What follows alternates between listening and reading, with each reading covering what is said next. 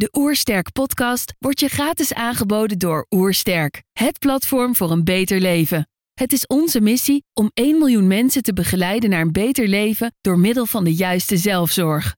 Wil je weten hoe jij kunt werken aan een beter leven? Ga dan naar www.oersterk.nu gezondheidscheck voor onze gratis gezondheidscheck en krijg direct jouw uitslag met persoonlijk advies. Mijn naam is Eddie Boom en je luistert naar de Oersterk podcast.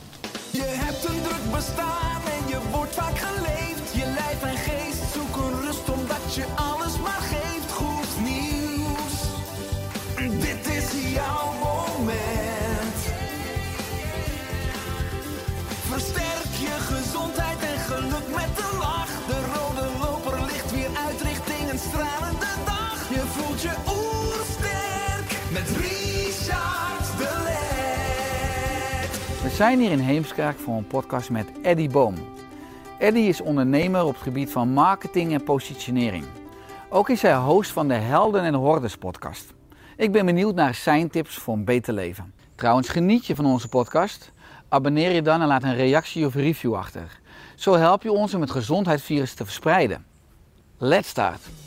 De Oersterk Podcast. Een ontdekkingstocht naar een beter leven. Eddie, welkom. Op je homepage staat minder woorden, meer winst. En het slaat hier vooral op ondernemers. Kun je ook stellen betere woorden, betere gezondheid? Ja, dat is meteen een eh, bijna metafysisch diepe vraag. Ik weet ook niet of ik hem zo diep ga beantwoorden. Eh, je zegt eh, betere woorden, betere gezondheid. Ehm, ik denk dat woorden ja, 100% invloed hebben eh, op je gezondheid. Misschien in eerste instantie op je mentale gezondheid. Maar daaruit voortvloeiend op je fysieke gezondheid.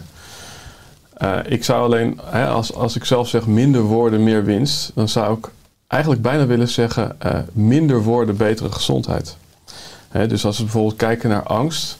Ik heb zelf heel erg last van hypochondrie. En dat is meteen eigenlijk hoe ik het zeg, van ik heb last van hypochondrie en niet ik ben hypochonder. En dat is meteen denk ik al een voorbeeld van ja, hoe, hoe woorden wellicht ja, eh, ja, ervoor zorgen dat dingen in de vorm vast komen te liggen. En, en daarmee ben je iets in plaats van dat je iets ervaart. Ik denk eigenlijk als ik bijvoorbeeld kijk naar mijn eigen angst, dan is het, ja, dan is het eigenlijk zo dat hoe minder woorden ik geef aan die angst, ja, hoe, hoe minder bestaansrecht die angst op dat moment heeft. En dan kan je denken, ja, welke woorden blijven er dan over? Eh, dat zijn eigenlijk alleen de woorden die eh, corresponderen met de waarheid. Dus dat zijn de woorden die, eh, ja, ja, die eigenlijk bevestigen wat je op dat moment ervaart of voelt. en ehm, ja, dat, dat zou betekenen dat op het moment dat je bijvoorbeeld kijkt naar NLP. Hè, en ik, ik heb denk ik heel veel dingen geprobeerd als het gaat om uh, het omgaan met mijn eigen angsten. Want ik heb gewoon een hele rijke fantasie. Ja, dan, dan werkt het voor mij niet om, uh, ja, om, om, om heel optimistisch uh, ja, te gaan praten over mijn eigen stand van zaken. Omdat er eigenlijk ja, bijna een soort discrepantie ontstaat tussen wat mijn lichaamsbewustzijn zegt en wat mijn hoofd op dat moment vertelt voor de spiegel. Hè. Dus ik zeg tegen mezelf, ik ben kerngezond. Maar dat lijf voelt, ja, maar dat is toch helemaal niet waar? Dus voor mij is ja, het geven van, van, van woorden uh, ja, in, in mezelf of uiterlijk, ja, is, is ja, als ik kijk naar het laatste jaar, is mijn ontdekking vooral van probeer naar waarheid te communiceren. Uh, uh, de waarheid bevrijdt. En de waarheid betekent in dit geval uh, dat je als het ware erkenning geeft aan dat wat er is. en daarmee laat je het toe. En als je iets toe kan laten, dan kan je het loslaten. Ja, mooi. Want misschien als ik het zwart-wit aanvlieg, kan je zeggen van woorden en gedachten zijn vooral zeg maar, de taal van het hoofd. En gevoelens natuurlijk echt de taal van het lichaam. En hoe kan je die gevoelens nu ook zeg maar, onder woorden vatten. Uh, jij geeft ook aan, hè, lees ik ook op je website, dat woorden vaak gekoppeld zijn aan het hoofd.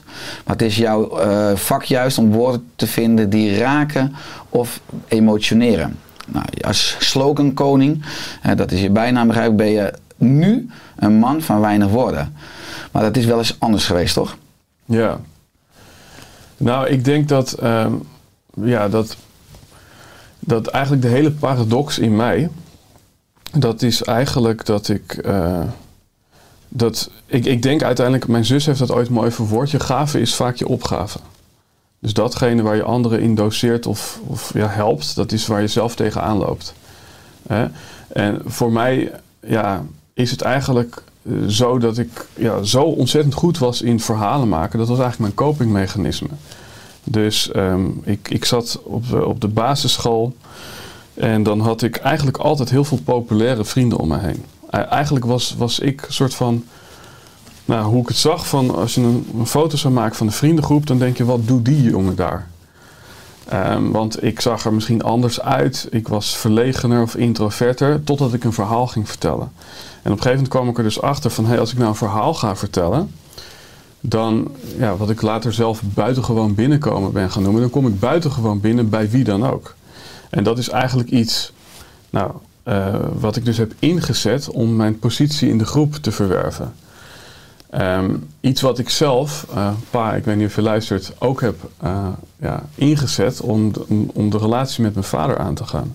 Dus mijn vader was vaak druk, dus die was, ja, heel vroeger zat hij bij de marine, was hij gewoon maanden niet thuis. En dan kwam hij, als hij thuis kwam, ja, dan was hij vaak met zijn hoofd ook nog op zee.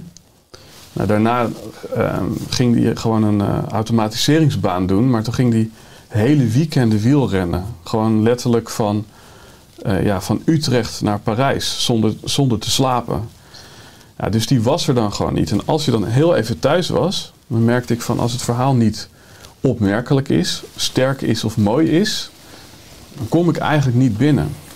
En daarin heb ik eigenlijk geleerd om in geur en kleur iets te etaleren. Dus als kind zag je mij nooit zeggen van, ja, hoe was je dag? Ja, goed, ik heb met die gespeeld en die. Nee, het was altijd van, nou, je raadt het nooit, maar ik was dus met die en toen gebeurde dat. Dus dat wordt altijd een hele narratief.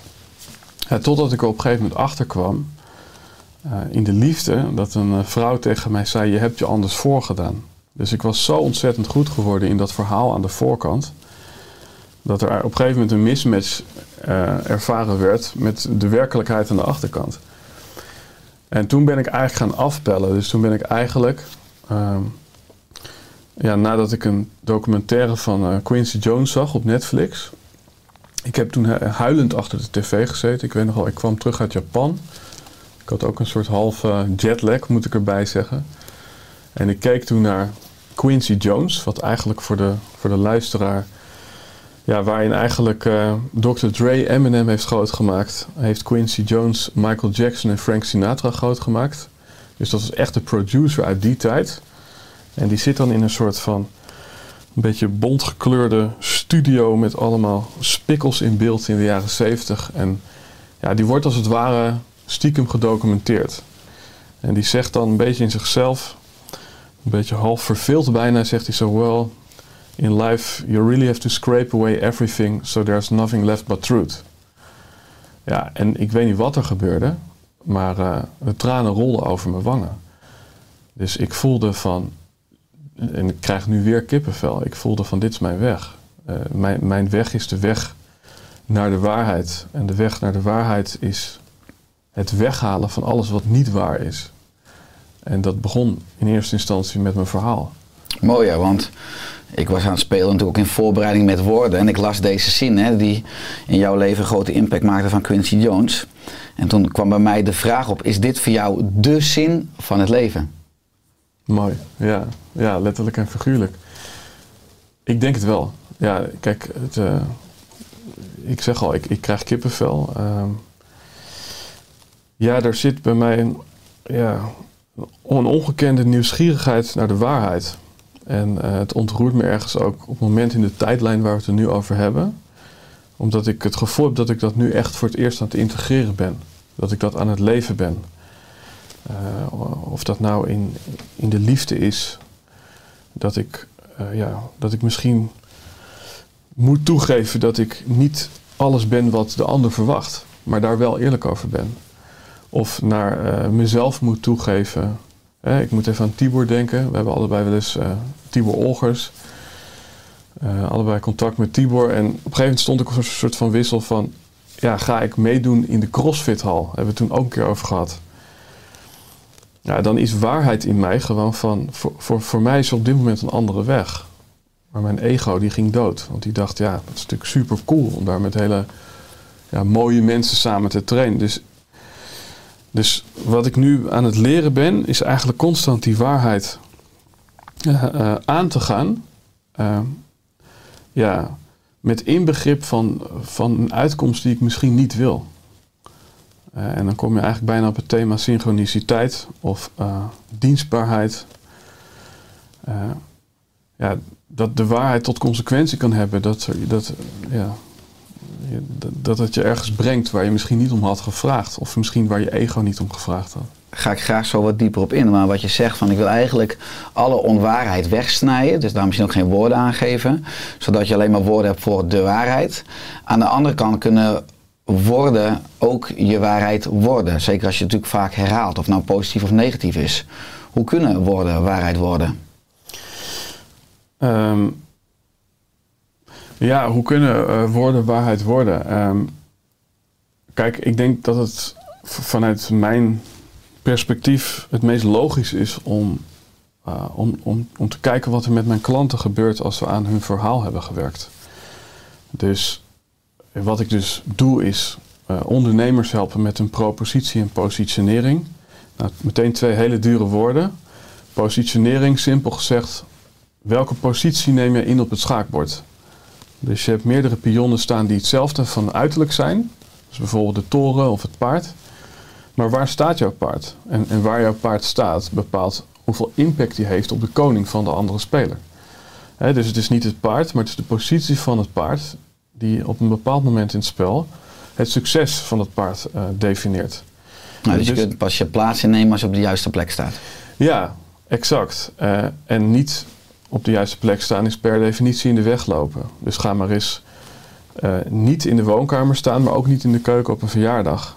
Maar ergens half in de gang. Nou, dan zit je binnen de kortste keren onder de koffie.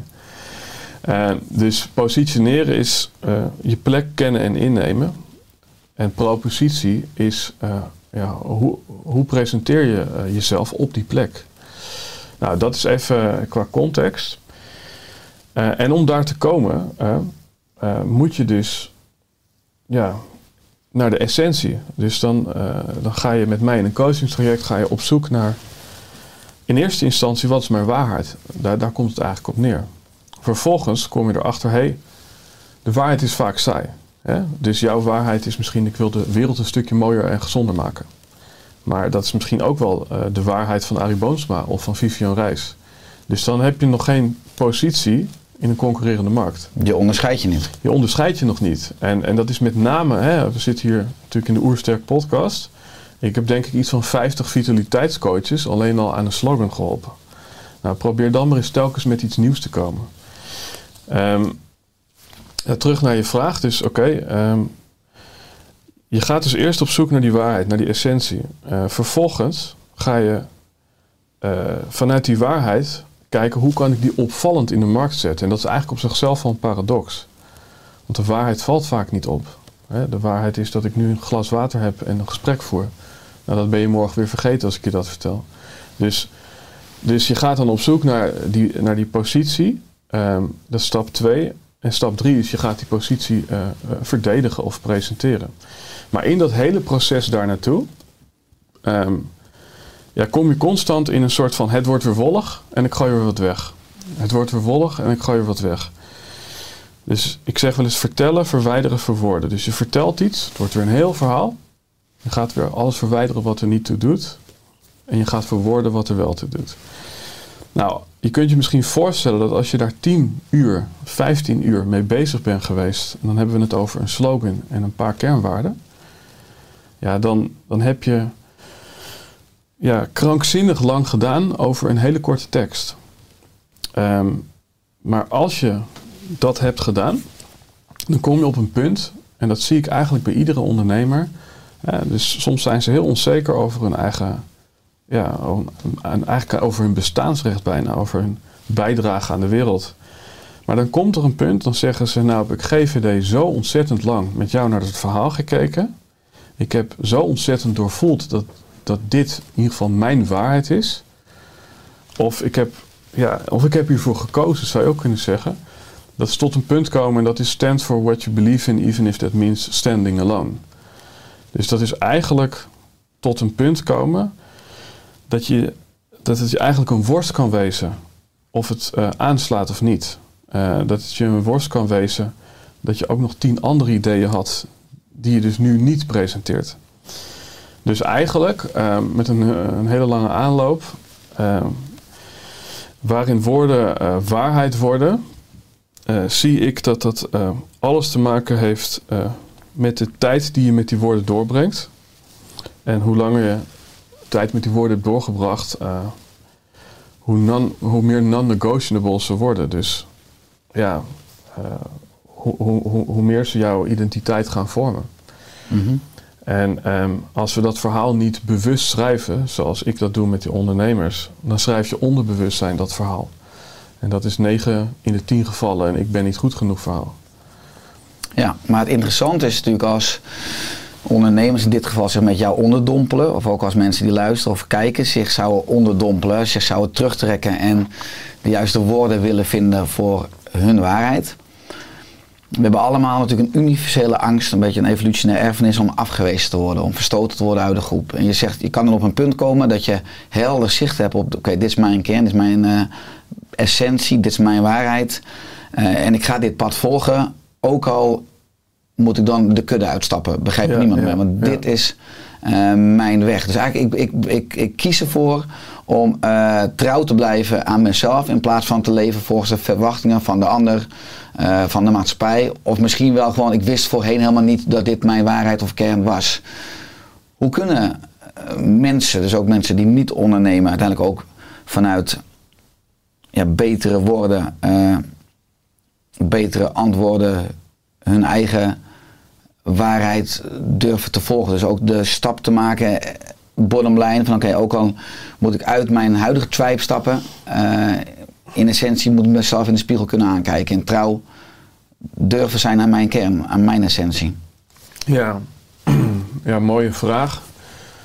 Um, kijk, uiteindelijk als je goed naar mij luistert, en, uh, dan, dan gaat het allemaal over essentialisme. Uh, nou, wat is nou essentialisme? Um, dat is eigenlijk opnieuw weer alles weghalen wat niet essentie is. En het is nog iets anders dan minimalisme. Dus het is niet het doel om een zo eenvoudig mogelijk, kaal mogelijk leven te leiden. Maar het is om heel bewust te zijn van wat, ja, wat is er belangrijk in mijn leven. Um, om, tot die essentie te komen. Uh, en om het voor de luisteraar misschien wat eenvoudiger te maken ja, kies je ervoor, om, of dat nou je propositie is, of het is um, iedere dag vijf minuten piano te spelen. Ja, je kiest er misschien uh, uh, in eerste instantie voor van waar ga ik de komende tijd allemaal nee op zeggen. Hè? Dus ik denk, kiezen heeft niks te maken met ja zeggen, heeft alles te maken met nee zeggen. Um, dus je, je zorgt eigenlijk dat je een aantal keer nee zegt, um, zodat er ruimte ontstaat. Jij zegt zelf, het universum kent geen leegte. Dus je maakt eerst wat ruimte uh, door eigenlijk te elimineren. Dus door dingen, dingen te doen die je geen energie geven. Of, nou, in die ruimte uh, uh, ontstaat er ja, potentie of mogelijkheid om iets aan te pakken. En of dat nou vijf minuten piano spelen is of iedere dag een stukje tekst schrijven. Um, maar dan kun je met jezelf afspreken, en ik denk dat dit een hele mooie nuance is die, die mensen volgens mij heel veel rust kan geven. Dan kun je met jezelf afspreken op dit stukje ga ik ongeacht wat mensen ervan vinden, inclusief ikzelf, mijn innerlijke criticus, ga ik, uh, ja, ga ik dagelijks een stukje tijd besteden. Da daarin zit dat je op allerlei andere gebieden gewoon nog dat schaap mag zijn die met de kudde meegaat. Um, en, en ik denk dat um, dat, dat mensen dit vaak heel erg zwart-wit benaderen. Van ik denk bijvoorbeeld anders na over het beleid of over voeding. En ik ga als enige op die verjaardag het totaal anders doen.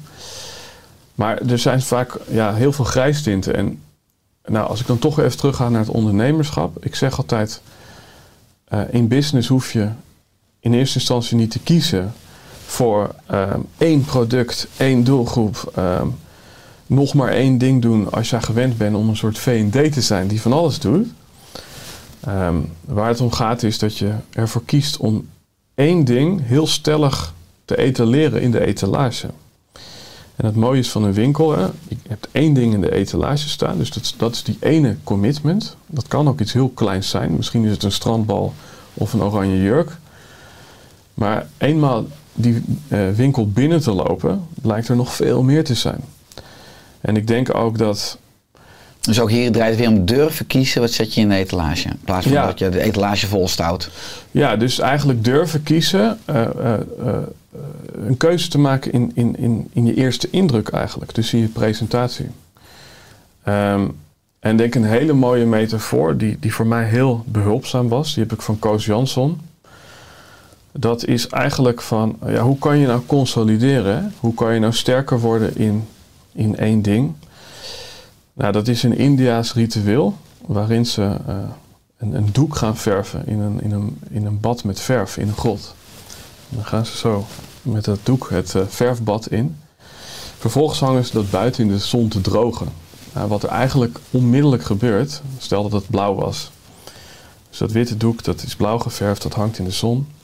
Nou, binnen no time is het praktisch al zijn kleur weer kwijt.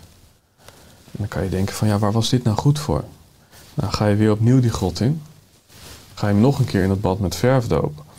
Nou, en dat ritueel, dat herhaal je zo vaak tot het doek niet meer bleekt, maar blinkt in de zon.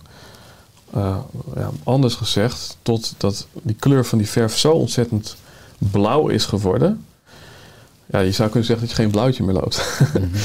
dus, ehm, en wat is dan het blauwtje lopen? Dat is of dat de zon, metafoor voor je omgeving, kritische mensen om je heen, ja, die kleur nog uit je doek kunnen praten.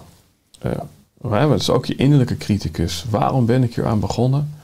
Zie je wel, mij lukt nooit iets. Heel mooi voorbeeld. Je had een aantal dagen geleden een seminar. Iemand heeft daar heel veel inzichten op gedaan. Weet misschien weer wat zijn levensmissie is. Komt thuis, zegt tegen zijn partner. Ik was bij Richard, het was geweldig. En dan zegt die partner, oh, nou, klinkt niet echt heel bijzonder. En in één keer verkleurt jouw doek weer terug naar wit. En denk je, ja, waar was het allemaal goed voor? Maar deze hele metafoor legt dus heel mooi uit. Als je iedere dag vijf minuten jouw doek kleurt, no matter what. Ja, op een gegeven moment dan heb jij een doek wat zoveel ja, kleur heeft. Dat, mensen op straat eh, bij je komen stoppen en zeggen, is dat eh, doek te koop? En, en ik denk dat dat, ja, dat dat de hele weg is van, eh, van ergens voor staan. Dat is een weg van eh, ja, iets heel klein specifieks eh, blijven doen. En, Ja, wat heel sterk is, want het is een oerbreinproef. Hè. Je oerbrein gaat over het algemeen saboteren als je een te groot doel hebt. En dit is een heel klein stapje. Je zou ook kunnen zeggen natuurlijk dat we allemaal eh, een verhaal hebben van onszelf en de wereld waarom we iets wel doen of niet doen, of wel durven of niet durven. Eh, in een podcast met Joris Swinkel zeg je, eerst bevrijd je je verhaal, dan bevrijdt het verhaal jou en dan kom je erachter dat je je verhaal niet nodig hebt. Eh, wat bedoel je hier precies mee ook in deze context? ja, ehm, mooi. Ik even herinnerd aan niet.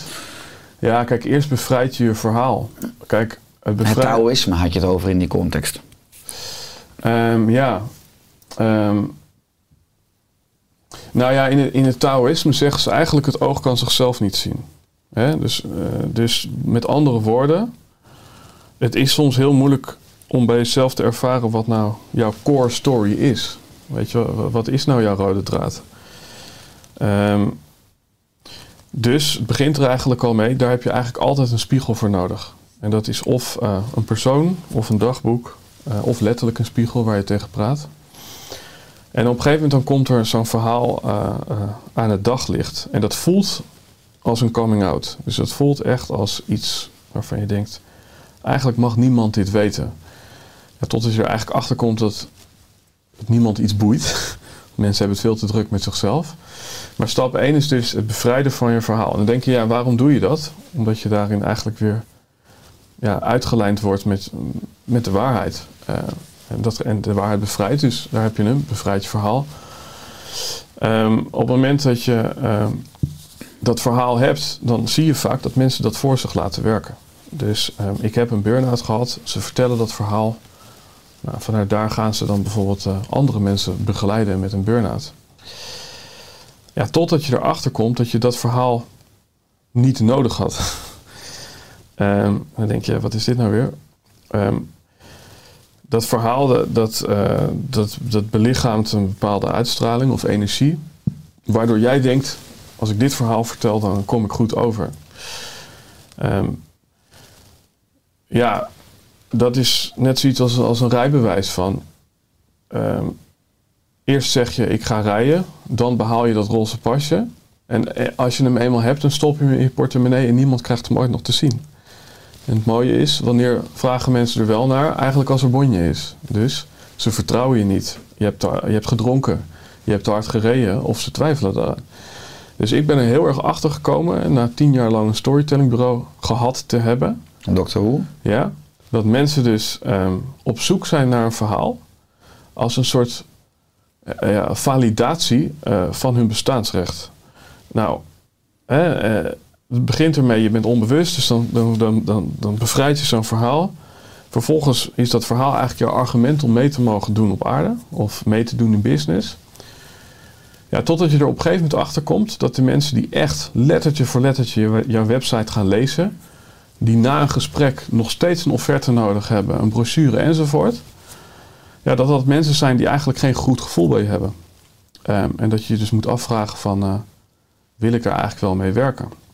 En ik moet denken aan eh, een wandelcoach die ik ooit had. Die man was knijterduur. Dat was omgerekend denk ik 500 euro eh, eh, per wandeling. En dat was nog minder dan een uur. En ik zat toen in een soort persoonlijke crisis. En toen zei ik tegen hem van... Hè, daar zat mijn twijfel. Ik zeg, ja, waarom zou ik jouw klant moeten zijn? En ik heb natuurlijk zelf een storytellingbureau gehad. Dus ik verwachtte een heel mooi gelikt verhaal. Want het was een hoge prijs. En hij zei alleen maar... Omdat ik fucking goed ben. Nou, er zat een soort berusting in. Ik voel die rust nu weer. En eh, ik wist dat het goed was. Dus ik, ik heb eh, getekend. En ik heb eh, in eerste instantie 10 wandelingen gemaakt voor 5000 euro. En dat heeft hij waargemaakt. En dat heeft hij ook nog waargemaakt. Ja, want het mooie is, als we gaan inzoomen op het verhaal dat we hebben, dan kan je natuurlijk een, een inspirerend verhaal hebben, bijna vanuit je zielsmissie. Hè, waar je ook over hebt van hoe kun je nou eh, woorden vinden voor je zielsmissie. Maar mensen kunnen ook een verhaal hebben vanuit eh, pijngedrag, hè, vanuit, vanuit wonden uit de kindertijd. Eh, nou, jij geeft net al aan dat je een groot deel van je leven je hebt laten leiden door hypochondrische angsten. Dat je verhalen voor jou ook een middel waren om eh, contact te krijgen met je vader. Je vader was vaak aanwezig, maar als hij fysiek aanwezig was, was hij vaak emotioneel aanwezig. Dus eh, verhalen waren een middel om eh, onbewust misschien dan ook, ook zijn emotionele aanwezigheid ook, ook te hebben.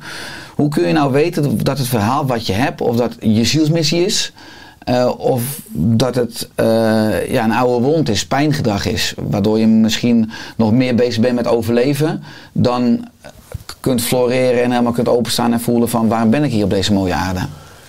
Ja, ik, lijk wel een politicus, want ik kom weer op het thema waarheid uit. Ehm, kijk, ik geloof dat mensen op drie momenten in hun leven eh, ontroerd kunnen raken of emotioneel. Eén is eh, als ze verdrietig zijn. Twee is als ze blij zijn. En drie is als ze de waarheid horen of samenvallen met de waarheid. Dat is als ze deze podcast luisteren. nou ja, nou, we zijn rond. Ehm, maar ik denk dat dat, eh, dat, dat, dat, dat, dat een gevoelskwestie is. Hè? Eh, dus, dus, dus de hoe-vraag is in die zin niet te beantwoorden. eh, omdat het iets is wat, eh, wat niet iets is wat je cognitief waarneemt. Het is echt een gevoel. Eh, zoals ik ja, met die Quincy Jones documentaire ervoer. Dat, dat, is, dat, is, gewoon, dat is gewoon een gevoel. Mhm. Ja, want ik vind woorden wapens. eh, ook echt in de geneeskunde, waar we natuurlijk ook werken met slechts nieuwsgesprekken, wat heel bijzonder is. Mensen komen nog aardig gezond met spanning binnenlopen en je spreekt wat woorden uit. Dan bijvoorbeeld in de context van ik heb slecht nieuws. En eh, we hebben een tumor gevonden. Of ja, nu heb je 70% kans om te overlijden. Wat allemaal woorden zijn. En mensen gaan bijna met, als een doodvogeltje met een kruis op hun rug de spreekkamer weer uit. Maar woorden kan je, kunnen ook enorm veel schade aanrichten. Ook natuurlijk in eh, families, in vriendengroepen, sociaal als je ze verkeerd gebruikt. Jouw missie is juist eh, bijdragen aan een wereld waarin we door middel van woorden verbinden in plaats van verdelen. Hoe kwam je tot deze missie? Ja, ehm, nou, ik, ik ga even een naam noemen. Eh, Alex van der Werf, goede vriend van mij, heeft een marketingbureau Spiritual Rebel. Ik heb het hier ook vaak met, met hem over. Ehm, kijk, wat we eigenlijk zien, hè, en dat is voor jou een bekend terrein natuurlijk vanuit het reptiele brein. Ehm, ja, zijn we altijd geneigd om, eh, ja, om, om, om, om extreem veel pijn eh, of plezier te communiceren. Hè, van, ehm, uiteindelijk, als, als, je, als je het gewoon terugbrengt naar, naar de essentie, eh, leven we nu in een tijd, wat ook op jouw seminar eh, voorbij kwam, waarin mensen op een dag evenveel prikkels krijgt als iemand in de middeleeuwen in zijn hele leven kreeg. Dus vanuit die optiek zou het heel logisch zijn, of dat nou op een verjaardag is of eh, op de homepage van je website, om zo opvallend mogelijk te communiceren. Hè, dus aan de ene kant hebben we het tot nu toe gehad over waarheid. En waarheid gaat ook over helderheid. Dus ik zeg, if you confuse, you will lose. En als je niet opvalt, dan ben je onzichtbaar. Dus dat is eigenlijk, ehm, eh, ja, dat zijn eigenlijk de twee randvoorwaardelijkheden die je nodig hebt om, ja, om je positie eh, duidelijk neer te zetten. Of dat nou op die verjaardag is of in ondernemersland. Wat mensen vaak doen, ehm, is ehm, misschien vanuit onzekerheid of het gevoel te hebben irrelevant te zijn, is dat stuk opvallen eh, ja, interpreteren als eh, moeten schreeuwen. Ehm, en ehm, zelfs te moeten liegen. Dus ehm, in marketingcommunicatie, eh, maar ook in politiek, hè, de, de, de beetje populistische partijen zou ik maar zeggen, die, ehm, die, die, ja, die gaan vaak vreemd van de waarheid en die gaan ook schreeuwen, eh, soms letterlijk. Nou, als we dan kijken naar een cursus wonderen, dan staat daar eh, eh, in het ego schreeuwt. En dan heb jij wel eens in een podcast gezegd, en het hart fluistert. En toen heb ik een keer aan Koos Jansson gevraagd van waarom schreeuwt het ego dan eigenlijk? Hè? Dus is, is dat de enige manier? Is de enige manier om aandacht te krijgen op die verjaardag door te gaan schreeuwen? Ehm, ja, toen zei Koos Jansson heel mooi, het ego is bang. En iemand die bang is, die gaat schreeuwen. Kijk maar naar een kind. Ehm, dus het is eigenlijk een enorm zwaktebod uh, door te gaan schreeuwen. En schreeuwen, kan je dus in volume doen. Uh, maar dat kun je ook doen door te overdrijven.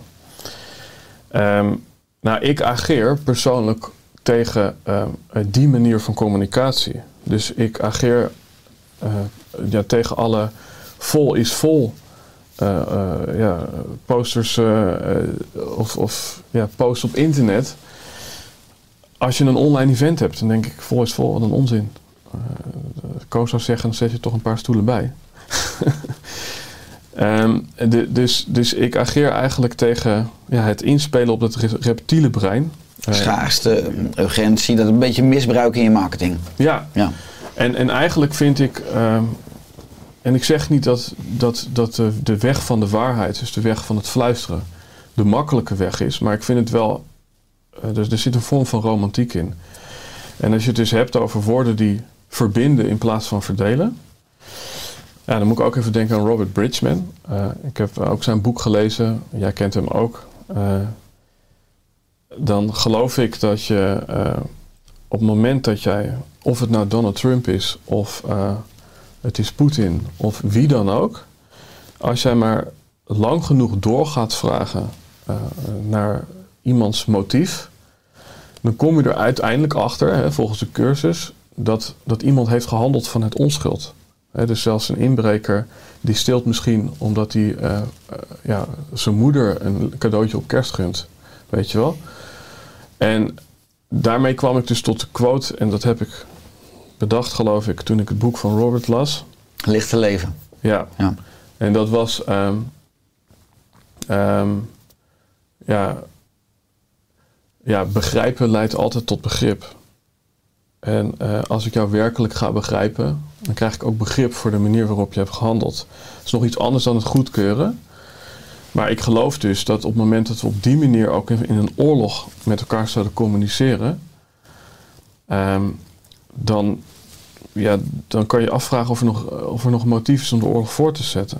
Hè, dus, dus, dus ja, verbindend communiceren, wat dus vaak betekent eh, doorvragen achter het waarom van het waarom, ja, dan kom je tot een soort kern. En ja, als laatste daarover, ook hier krijgen we weer de cursus in wonderen in beeld.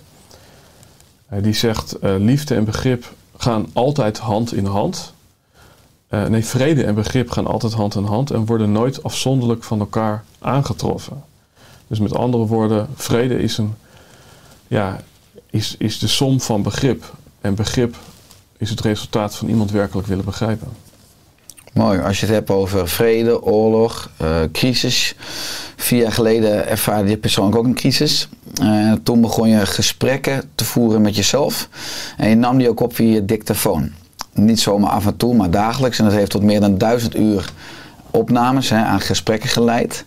En je geeft aan dat dit voor jou beter heeft gewerkt dan de beste therapie. Hoe precies?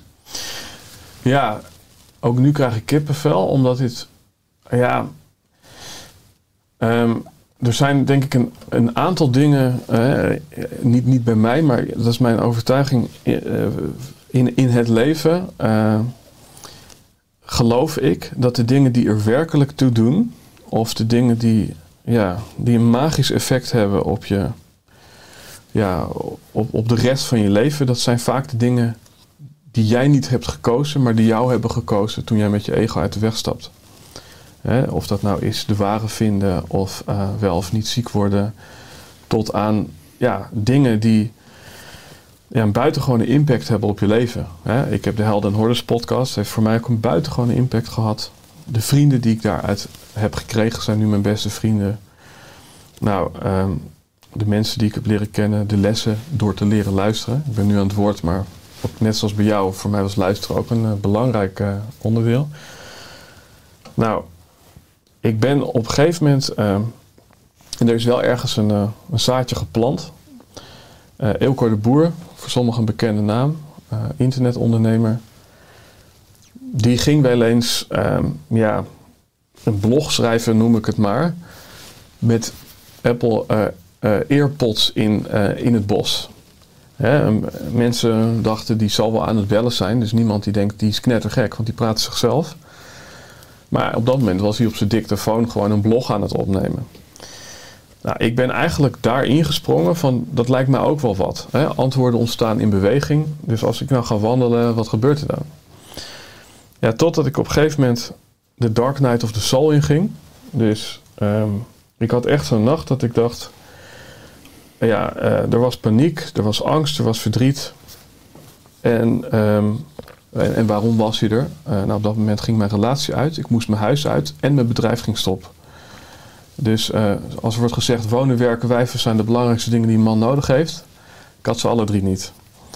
Ehm, en toen kon het op dat moment niet anders. Ik kon niemand bellen. Kon me niet verdoven in de vorm van een biertje in de kroeg. Er wa- er was eigenlijk geen mogelijkheid om mezelf te verdoven. Eh, behalve of te gaan slapen als een hond voor de supermarkt. Die met iedereen mee naar binnen wil rennen. Een soort totale onrust. Dus ik dacht, slapen wordt hem ook niet. Ik geef me daar aan over dat, dat het letterlijk ja, een, een, een, een Dark Knight eh, wordt van de soul. Waarin ik eh, de Midnight Sun ga ontmoeten. Dat is even een mooie metafoor, maar ja, dat ik de zon hopelijk zie opkomen op het donkerste uur. Dat staat in eh, de Alchemist. En toen ben ik gewoon een gesprek met mezelf gaan voeren op audio. En ik weet nog wel het allereerste gesprek. Dat, eh, was, eh, dat was begon met lieve Eddie. Het is nu zo laat. Het is deze dag. En morgen kan alles voor je veranderen. En zo begon eigenlijk wat ik later ben gaan noemen de courageous conversation with thyself. Dus het, het moedige gesprek met mezelf. En toen ben ik eigenlijk als een soort van Byron Katie... ben ik vanuit allerlei invalshoeken naar mijn eigen problematiek gaan kijken. Eh, ben ik dat helemaal gaan afpellen. Totdat ik eh, na een uur...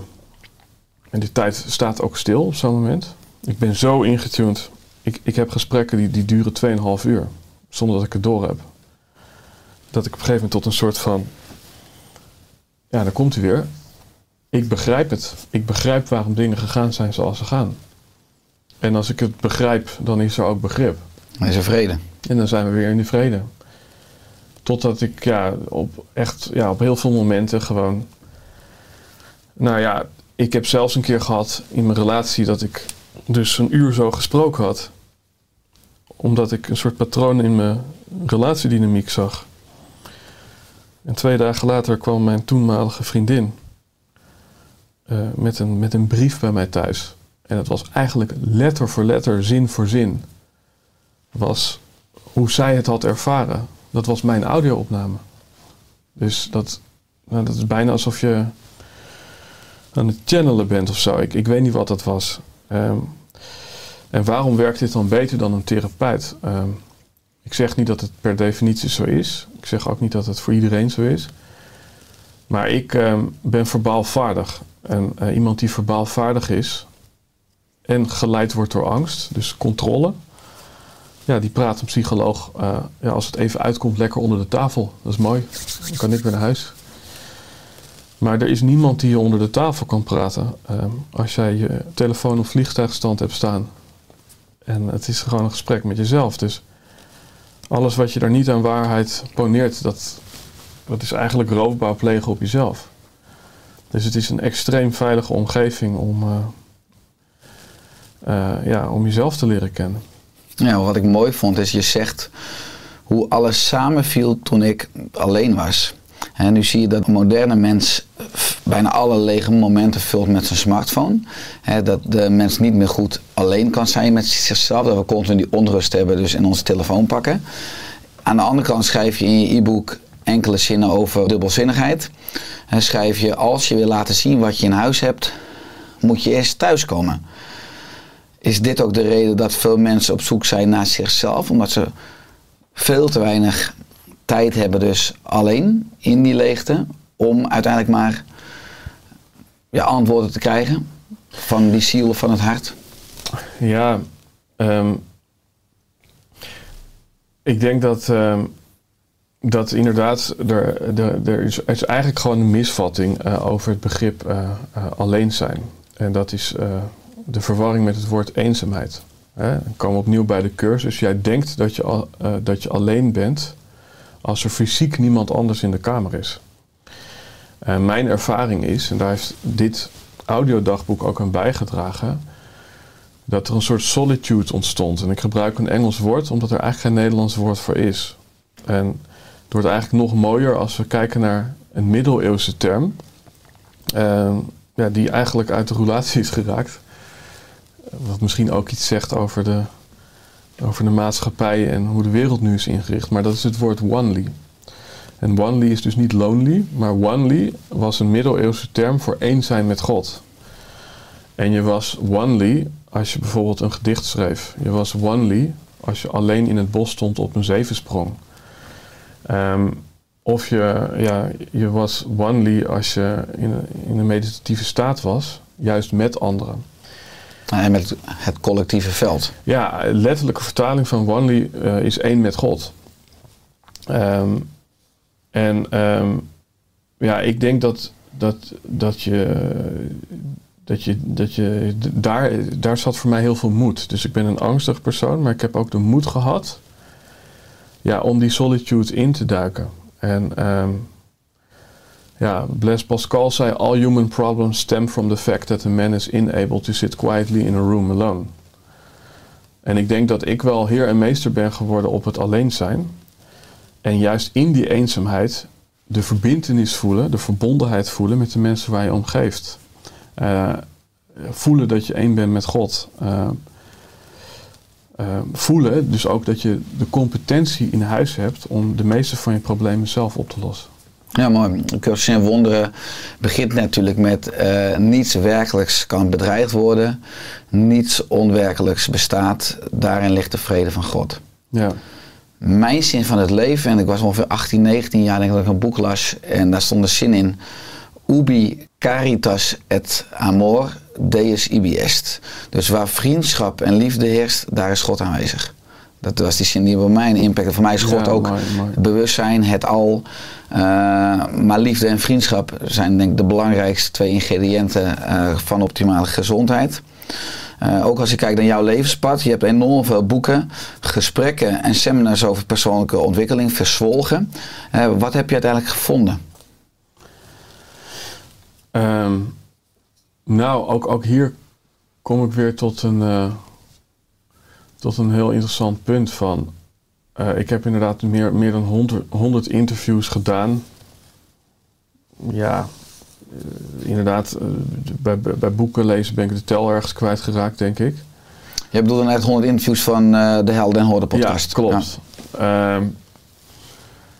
ja, kijk, wat heb ik uiteindelijk gevonden? Ehm, Maar zijn er bepaalde principes of zijn er ook bepaalde gasten geweest die op jouw persoonlijke ontwikkeling ook echt een stempel hebben gedrukt, die een belangrijke eh, invloed hebben gehad op een bepaald kruispunt eh, waar je stond? Of je geholpen Ja, hebben ja. om uiteindelijk bij je eigen waarheid te komen? Nou ja, kijk, en, en dit is in die zin een beetje een, een- bijna een flauw antwoord. Want ehm, de interviews zelf, hè, eh, er- zitten allerlei eh, soort van spitsvondige dingen in. En nou ja, hè, ik, heb, ik heb bijvoorbeeld met Paul Smit een gesprek gehad over dat er geen vrije wil is. Nou ja, en een, uur later komt Edwin Selei binnen met... eh, eh, you can change your destiny, destiny eh, als je in een andere hypnose stapt. Weet je, nou, dan heb je natuurlijk al één grote discrepantie te pakken. Van de ene gast die spreekt 100% de andere gast tegen. Ja. En dan is dit niet eens een goed voorbeeld meer. Want Edwin zit nu ook in de non-dualiteit en in de cursus van wonderen en zo. Maar je snapt mijn punt. Ehm, en dan kom je een beetje op dat stuk... The more I know, the more I know I don't know anything. Dus ik word steeds meer een onbeschreven blad na al die interviews. En denk je van, ja, waarom zet je het dan nog voort? Hè? Ehm, als, als eigenlijk ehm, ja, al die woorden eh, geen werkelijke afspiegeling zijn van de waarheid. Eh, ook dat is de cursus. Woorden zijn slechts symbolen naar symbolen. En daarmee twee keer verwijderd van de realiteit. Dus wat je ook vertelt, je bent altijd eh, aan het praten in, ja, in, in een belichting van de totaliteit. En, en nooit in de, in de waarheid. Dus puur inhoudelijk kan ik nu niet zeggen van, nou, toen, toen ik dat gesprek luisterde, ging ik het zo en zo doen. Maar het is wel telkens zo geweest dat op sleutelmomenten in mijn leven, dat ik bij iemand aan tafel kwam of in iemands aura kwam, ja, wat een totale gamechanger was in mijn leven. Eén één zo'n ding was, nou, die, die situatie die ik net beschreef, dat ik alles kwijtraakte. Toen had ik een soort onbevangenheid van, I've got nothing to lose. En toen eh, dacht ik, eh, ik ga dit ook helemaal niet goed voorbereiden of zo. Ik stuur Ilko de Boer een voice app. Die had toen net een documentaire over Kanye West gezien, wat een omstreden man was. Maar waar Ilko en ik een fascinatie voor hadden. En ik zeg, ja, wij hebben iets in common wat een beetje onconventioneel is. Ehm, ja, iemand die wordt afgeschilderd als een gekkie, die, ja, die, die, bevat een zekere wijsheid. En zo ontstond er eigenlijk een gesprek. En ik zeg, eh, hij zegt, Eddie, kom er maar aan. En ik zei Jeanette de Geus af. Sorry Jeanette als je dit hoort. Ehm, daar had ik een podcast mee en toen kwam ik dus bij Eelco thuis. En eigenlijk het contact met Eelco resulteerde in dat hij eigenlijk zag... Jezus, wat jij met woorden en slogans kan... dat kan zelfs de best betaalde persoon die ik ingehuurd heb nog niet. Dat is letterlijk wat hij zei in de podcast. En toen nodigde hij mij uit voor een seminar op de gastenlijst. Heb ik daar vier dagen geknald. En ik ging naar huis met 20.000 euro aan, aan, aan slogans die ik had verkocht.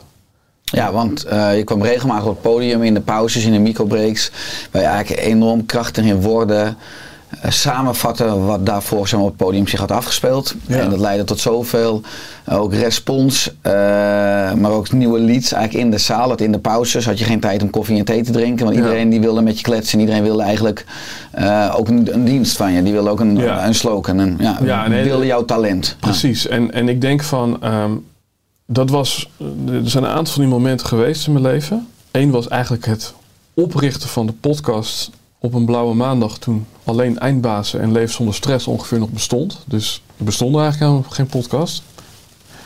Maar ik voelde, ik moet dit doen. Ehm, nou, zo'n zo'n zo'n ander sleutelmoment was dus, ik moet naar Eelco en ik weet niet waarom. En eh, dat was ook zo. Ik moet naar Koos Jansson en ik weet niet waarom.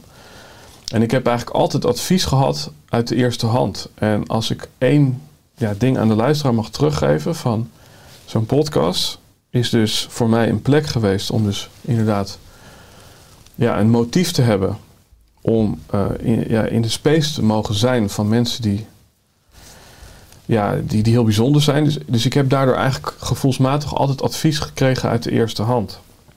En, eh, ja, en, en, en dat heeft ertoe geleid dat ik eh, dus misschien niet zozeer het gesprek zelf, maar wel het contact wat er is gelegd, ja, dat, dat is compleet life-changing geweest. En dat is waarom wij hier nu ook zitten in feite. Ehm, dat is waarom Alex van der Werf en, eh, en, eh, en Maarten, die ik allebei mijn podcast heb gehad, nu mijn allerbeste vrienden zijn geworden. Ehm, en ik denk wel dat, dat, dat mensen onderschatten dat het kopje thee met oma echt voorbij is. Ehm, tegenwoordig hebben we daar een microfoon voor nodig die we ertussen moeten plaatsen om, om werkelijk met iemand te verbinden. Ehm, maar daar ligt natuurlijk ook een, een enorme kans om, om met wie dan ook maar eh, ja, in contact te kunnen komen. Mhm. En ik ben nu zelfs ja, in een soort arrogante staat gekomen dat ik gewoon zeg: Ja, binnenkort komt die in mijn podcast. Nou, dan heb ik diegene nog helemaal niet gevraagd. Maar dan is de kans ook gewoon heel groot dat het gebeurt. Ja, maar dan heb je het ook weer over een stukje eh, overvloed en dankbaarheid, wat ik ook echt teruglees hè, van waaruit je nu denkt, maar ook leeft. Eh, wat je net schetste is, eh, je werkt veel met ondernemers, ook veel vitaliteitscoaches, zei je, ruim 50. Nou, we leiden natuurlijk oersterk coaches op. We hebben het ook in onze opleiding natuurlijk een eh, deel 3 over business. Hè, maar vaak is de ondernemer natuurlijk de zwakste schakel in de onderneming. En persoonlijke ontwikkeling van de ondernemer leidt tot groei van niet alleen maar van de mens, maar ook van het bedrijf. Je ziet natuurlijk heel erg, ik kom zelf uit de geneeskunde, ik weet eh, ook interessant waarom ga je in de geneeskunde werken. Het zijn veelal helpers, met een soort helpersyndroom, zorgen voor de hele wereld, maar wat minder goed voor zichzelf. Eh, hebben vaak ook moeite om zichzelf te positioneren, hè, jouw specialisatie. Eh, je hebt er veel ervaring mee, wat, je benoemt. wat valt jou op ook aan deze groep? Nou, wat mij opvalt, ehm, ja, het, het is voor, voor deze doelgroep is het gewoon echt hardcore om überhaupt een plek in die markthal te krijgen. Ehm, ik heb, ja, om, even een voorbeeld te noemen, en ik weet dat ik daar een aantal luisteraars nu al pijn mee ga doen met dit voorbeeld. Ja, nee, maar bij mij is het echt anders. Want ehm, ja, hoe ik mensen coach, is dat ik altijd naar de oorzaak van de oorzaak ga. Of ik ga naar de vraag achter de vraag. Nou, dat is ongeveer de, de eerste zin van iedere nieuwe coach die ik aan de lijn heb.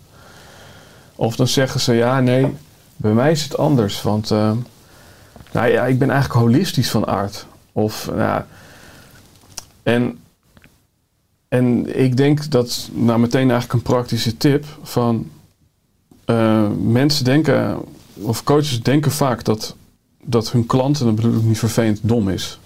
Dus dat een klant ja, ongeschoold is en dat zij dingen weten die de klant niet weet nou, de klant of cliënt die weet eigenlijk veel meer dan je denkt. En daarmee is het dus niet zozeer de, de, de, eh, de, de weg naar succes is dus niet om proberen jouw klant iets te laten zien wat hij nog niet weet. Maar eigenlijk de vraag te kunnen beantwoorden: eh, wat is mijn mening over mijn eigen vakgebied? En dan kom je op een heel gek punt. Dan kom je bijvoorbeeld op een situatie.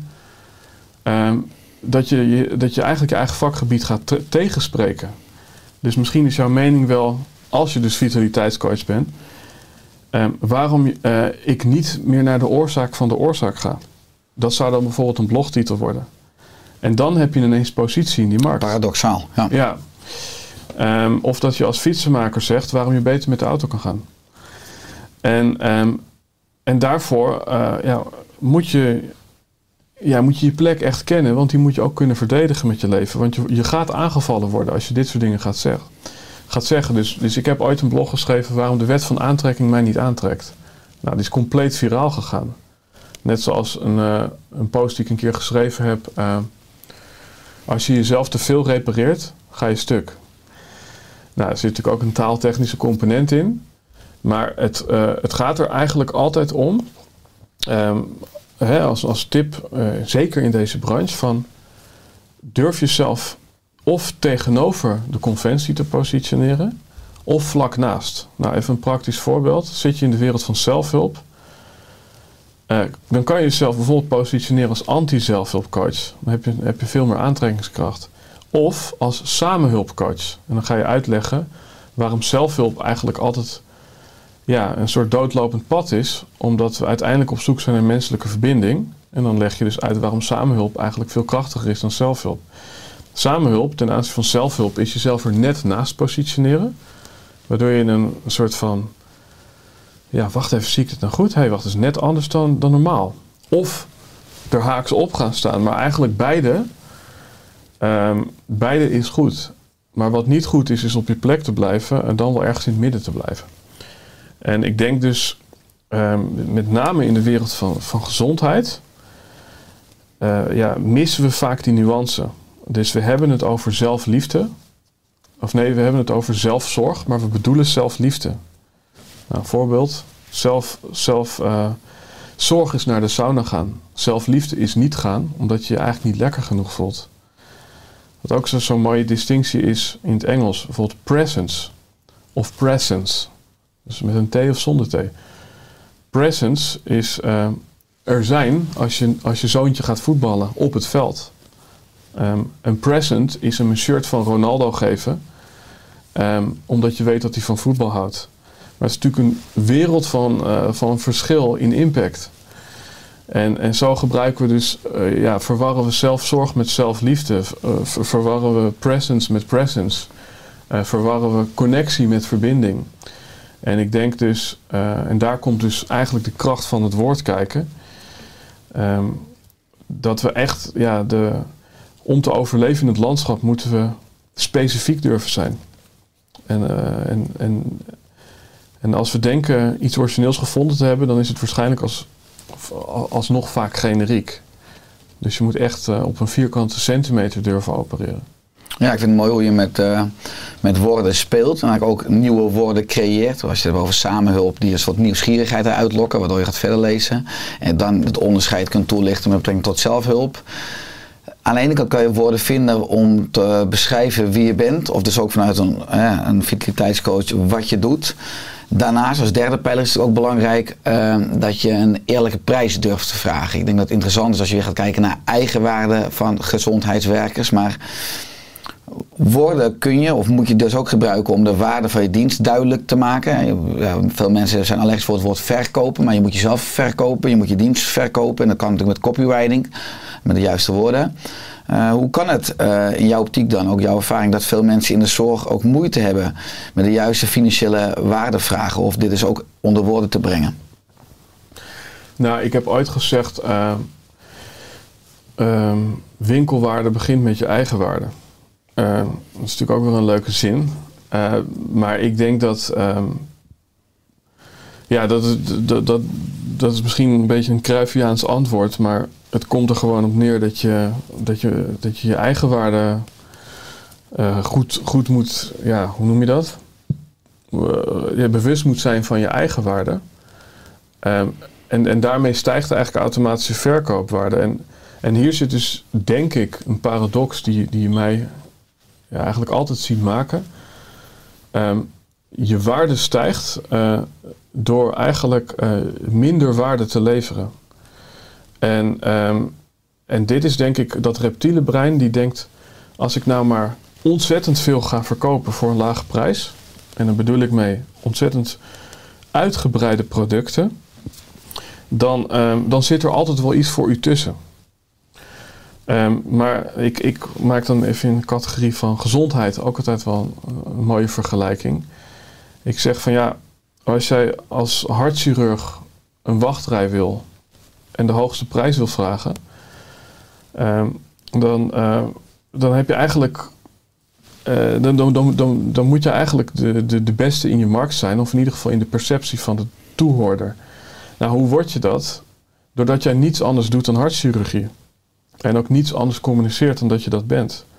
En stel nou dat je een hartchirurg bent die parttime hartchirurg is. eh, ook nog een aantal dagen eh, per week fietsenmaker. eh, en ook nog bij een ho- hobbyclub zit om boeken te schrijven, ja, dan, dan vraag je je af, komt het wel goed met mijn hart? Dus het reptiele brein, die wil eigenlijk ja, een soort alleswinkels zijn, tegen iedere prijs. Terwijl ehm, je aantrekkingskracht eh, zit erin dat je alleen maar die hartchirurg bent.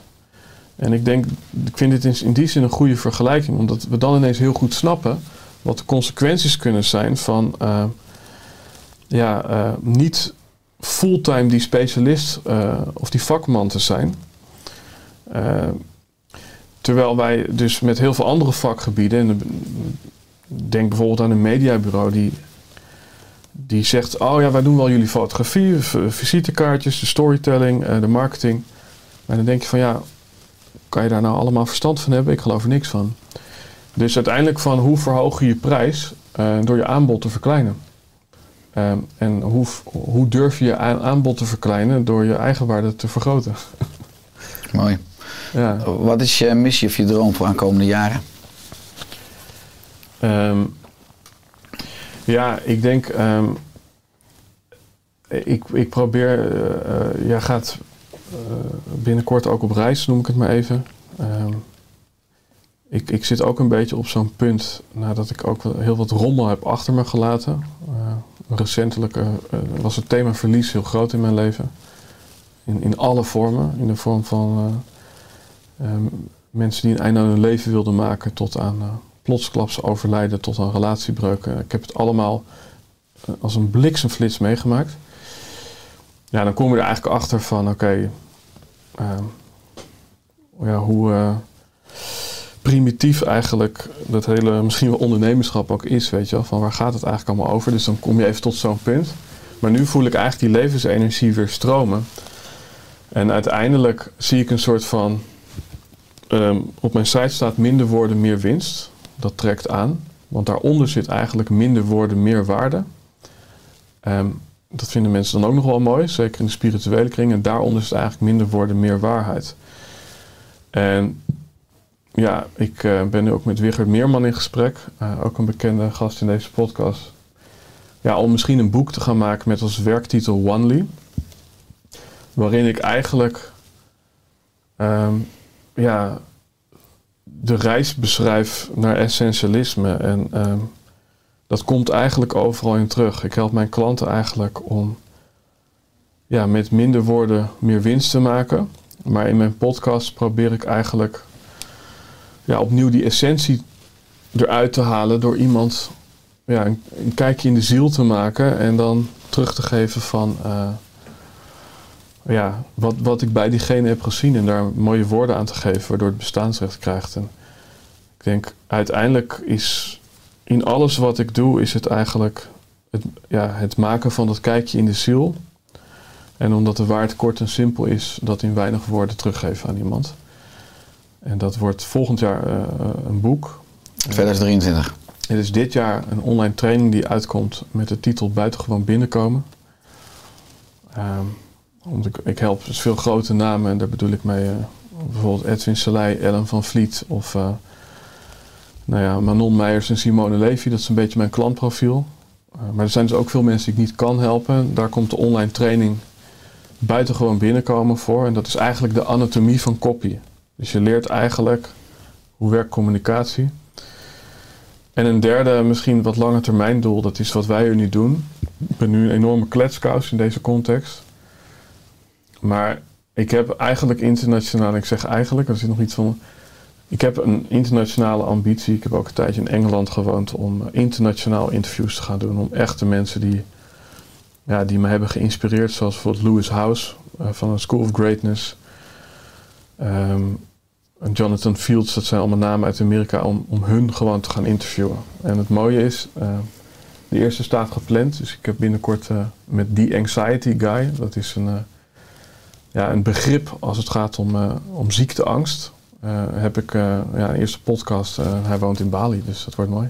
Mooi, ja, nou, deze podcast komt uit in januari 2023, dus dan is de online cursus er. Dan is waarschijnlijk Ja. het interview er al. Mooie stok achter de deur. Mooi, waar kunnen mensen meer informatie vinden over jou, over je diensten? Podcast www.heldenenhordes.nl Gewoon helemaal uitgeschreven. Ja, werken aan je propositie of eh, short copy met een mooi woord zoals Ilke Smit dat eh, voor mij heeft bedacht. eddieboom.nl Eddie, dankjewel voor je komst in de Oerstek podcast. Ja, En dat we samen nog maar mogen werken aan een wereld met minder woorden en meer waarheid. prachtig. Dankjewel.